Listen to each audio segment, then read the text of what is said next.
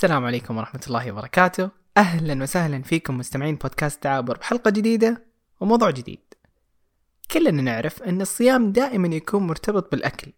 لكن هل فكرت في يوم من الأيام أنك ممكن تصوم عن مركب كيميائي؟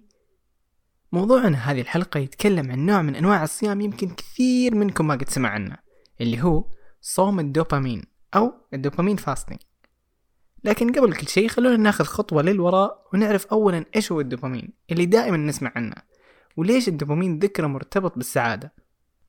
الدوبامين هو مركب كيميائي في جسمنا وظيفته أنه يشتغل كناقل عصبي. بمعنى أنه راح يشتغل في الجهاز العصبي المكون بشكل أساسي من الدماغ والحبل الشوكي.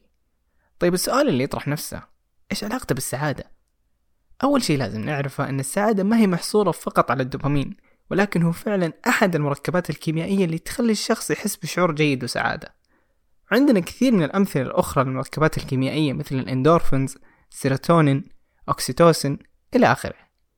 الدوبامين تحديدا يفرز عن طريق شيء اسمه reward system وهو بكل بساطة يتفاعل لما الإنسان يبدأ يسوي شيء ممتع له سواء أكل أو شرب أو لعب وبرضه ممكن مع حالة مدمنين المخدرات ولجوءهم للحبوب أو حتى لما الشخص يشعر بالإنجاز فمقابل الإنجاز هذا الدماغ يكافئ صاحبه بالمواد الكيميائية هذه.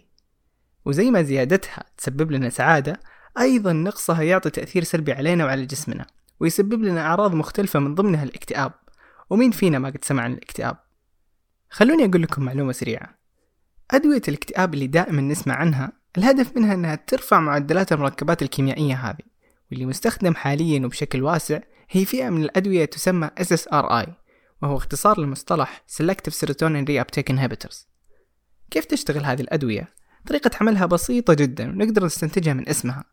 لكن قبل ما أقول لكم الطريقة لازم نعرف كيف تفرز النواقل العصبية أساسا جسمنا بشكل طبيعي. الطريقة باختصار هي أنه عندنا منطقة فراغ صغيرة بين الخلايا تفرز فيها هذه النواقل وتعطي مفعولها. المنطقة هذه تسمى منطقة التشابك العصبي. وطبعا بعد ما يتم إفراز هذه النواقل العصبية وتعطي مفعولها بعد فترة راح ترجع للخلايا. عملية رجوعها للخلايا هذه تسمى عملية ال reuptake وبكذا ينتهي مفعولها. الأدوية هذه تعمل على منع عملية ال reuptake للسيروتونين تحديدا وبالتالي راح تزداد كميته بالتدريج والشخص يبدأ يشعر بالسعادة وتخف عنه أعراض الاكتئاب. وفي دواء شهير جدا لعلاج الاكتئاب يعمل بهذه الطريقة ممكن بعضكم سمع عنه حتى. اسمه Prozac في معلومة أخرى نطبقها بواقعنا كثير جدا وحنا ما ندري عنها. تدرون أن السيروتونين موجود بمستقبلات حسية تتأثر بالحرارة؟ بحيث إذا حست بالحرارة راح يتم إفراز السيروتونين. وهذا هو السبب في كون أخذ هوت شاور أو الذهاب للساونا شيء مريح لنا ويساعدنا على الاسترخاء والتخفيف من التوتر لأنه فعلا في عمليات معقدة صارت بجسمنا عشان تخلينا نشعر بهذا الاسترخاء. عاد بعد ما قلت لكم هذه المعلومة لا تروحون تتروشون الحين. اصبروا خلونا نخلص الحلقة بعدين نروحوا ونعيما مقدما طيب مثل ما قلنا إن الاكتئاب سبب نقص هذه النواقل العصبية لازم نقول لكم إن في أمراض سببها زيادة مفرطة في مستوى النواقل العصبية مثل انفصام الشخصية أو سكيتسوفرينيا المريض بهذه الحالة يعاني من هلوسة واضطرابات عقلية مزعجة داخل دماغه. يوصفها بأنه يسمع أصوات كثيرة ومشوشة. سببها زيادة حساسية المستقبلات لمادة الدوبامين عن الحد الطبيعي. دقيقة أنا متأكد لو كملت كلام عن المركبات هذه ما راح أخلص وبنسى موضوع الحلقة الأساسي. فخلونا نرجع لموضوعنا اللي هو كيف نصوم عن الدوبامين وليش نصوم عن أحد مركبات السعادة.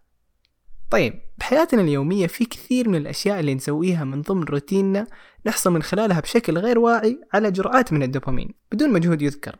وأحد أهم الأمثلة هو استخدامنا اليومي لمواقع التواصل الاجتماعي أو ال social media. طبعا زي ما الكل عارف تطبيقات التواصل الاجتماعي مصممة بطريقة عبقرية بحيث تخلي الناس في تعطش دائم لاستخدامها. باستخدامهم خوارزميات وذكاء اصطناعي متطور جدا عشان يوفرون محتوى يناسب كل شخص.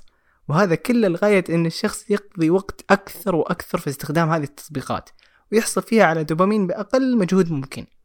وهذا الشيء ينطبق تماما على أشياء ثانية. مثل ألعاب الفيديو المسلسلات الأفلام إلى آخره ممكن تتساءل عزيزي المستمع وتقول إيش المشكلة بالضبط؟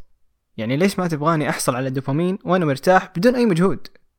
في حقيقة الأمر تكمن المشكلة في أن عقلنا راح يدمن على هذه الأشياء وأكبر دليل زي ما قلنا مسبقا إدمان المخدرات أو إدمان بعض العادات السيئة اللي سهل الحصول فيها على المتعة أول ما نسويها لكن ما قلنا لكم كيف ممكن الشخص يدمن على المخدرات وإيش علاقة الدوبامين بالموضوع.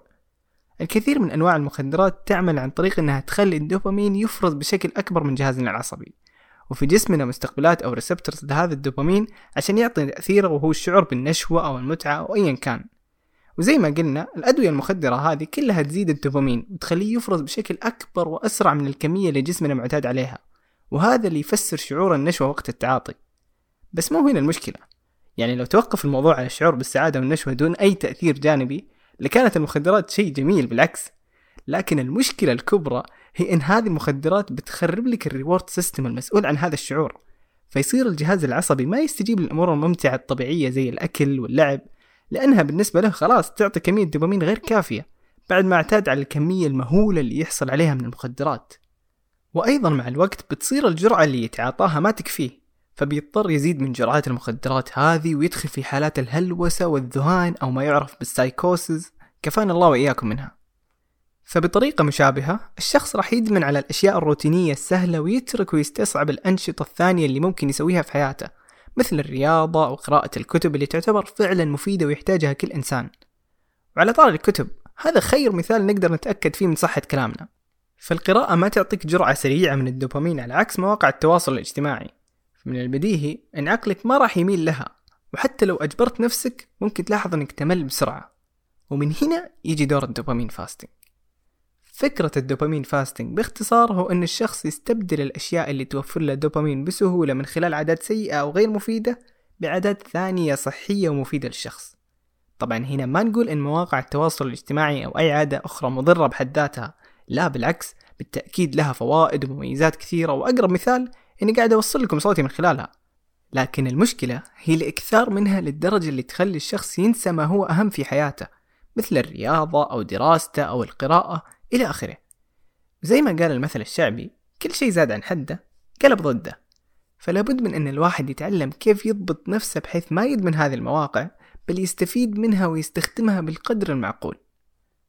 طريقة تطبيق فكرة صوم الدوبامين معقدة نوعا ما. لأنها تختلف من شخص للثاني بناء على الشيء اللي مضايقه واللي وده يغيره في حياته. لكن بذكر لكم تجربتي الشخصية على أمل أنها ممكن تساعدكم. في الإجازة الصيفية الماضية أغلب يومنا كان بالحجر المنزلي وأكيد كنا نستغرق ساعات كثيرة أمام الشاشات ومواقع التواصل الاجتماعي. فلاحظت أني ما بدأت بالخطط اللي كنت حاطها في إجازتي والسبب هو كثرة جلوسي على ال social media. فقررت في يوم من الأيام أني أترك الجوال لمدة 24 ساعة. وأجرب أعيش حياة مختلفة. وفعلا تركت الجوال وبدأت أعيش يومي بمنظور مختلف. بصراحة ما أخفي عنكم أن ترك الجوال كان شيء جدا صعب بالبداية والموضوع يحتاج لضبط النفس وإصرار كبير جدا لكن النتائج كانت جميلة ومبهرة بشكل غير متوقع. رجعت أمارس الرياضة جلست مع الأهل قرأت كتابي اللي من فترة كنت متوقف عن قراءته ذاك اليوم شعرت براحة غير طبيعية. وهذا الشيء خلاني أرجع أعيد التجربة بين كل فترة وفترة لأن الإنسان يحتاج فترة نقاهة بعيدا عن ضوضاء مواقع التواصل الاجتماعي. وأقرب مثال طبقت فيه ال dopamine fasting بالرغم من أنها كانت جزئيا هو الأسبوع الماضي. الأسبوع الماضي كان عندي فترة اختبارات وكنت مضغوط فيها شوي فقررت أبعد عن أغلب مواقع ال social media لمدة أسبوع وكانت فترة مفيدة جدا وخلتني أركز بدراستي. وللمعلومية مو شرط اللي تعاني من إدمانه مواقع التواصل الاجتماعي. قد يكون تطبيق معين أو ألعاب أو حتى مسلسل. في أي حالة من هذه الحالات أنصحكم بتجربة الدوبامين فاستنج لأنها تجربة فعلا فريدة من نوعها وتعود لك بعوائد إيجابية كثيرة. وعلى فكرة الكثير منا قد يتعذر ويقول أن الجوال يحتوي على تطبيقات مهمة لعمله أو لدراسته وهنا الحل يكون جدا بسيط. تقدر تحذف أو توقف تطبيقات التواصل الاجتماعي اللي تستهلك من وقتك وتمارس الدوبامين فاستنج مع إبقاء وسائل التواصل المهمة عندك. ختاما فكرة صيام الدوبامين هي ما تعني أن إحنا نخفي وجود الدوبامين من جسمنا تماما. لا لأن العملية هذه شبه مستحيلة. لكن الهدف من صيام الدوبامين هو أن الشخص يركز على مشكلة سلوكية معينة ويحاول أنه يستبدلها أو يقلل من الوقت المنقضي في هذا السلوك. وأثبتت بعض الدراسات أن الناس اللي تركوا الحصول على الدوبامين بالطريقة السريعة أو طبقوا الدوبامين فاستنج صاروا يهتمون بأنفسهم وأجسامهم أكثر وفعلا فرق معهم الموضوع. مثل ما حصل معي شخصيا. وإلى هنا وصلنا لنهاية حلقتنا. إن شاء الله أنكم استمتعتوا واستفدتوا. نتمنى منكم تروحون وتقيمون البودكاست في التطبيق لأن هذا راح يساعدنا كثير في أننا نتوسع ونوصل للناس بشكل أكبر. وأيضا لا تنسون تتابعونا على حسابنا بتويتر اللي تلقونه في وصف الحلقة بحيث يوصلكم كل جديد. كان معكم أخوكم عبد المحسن الضراب. في أمان الله.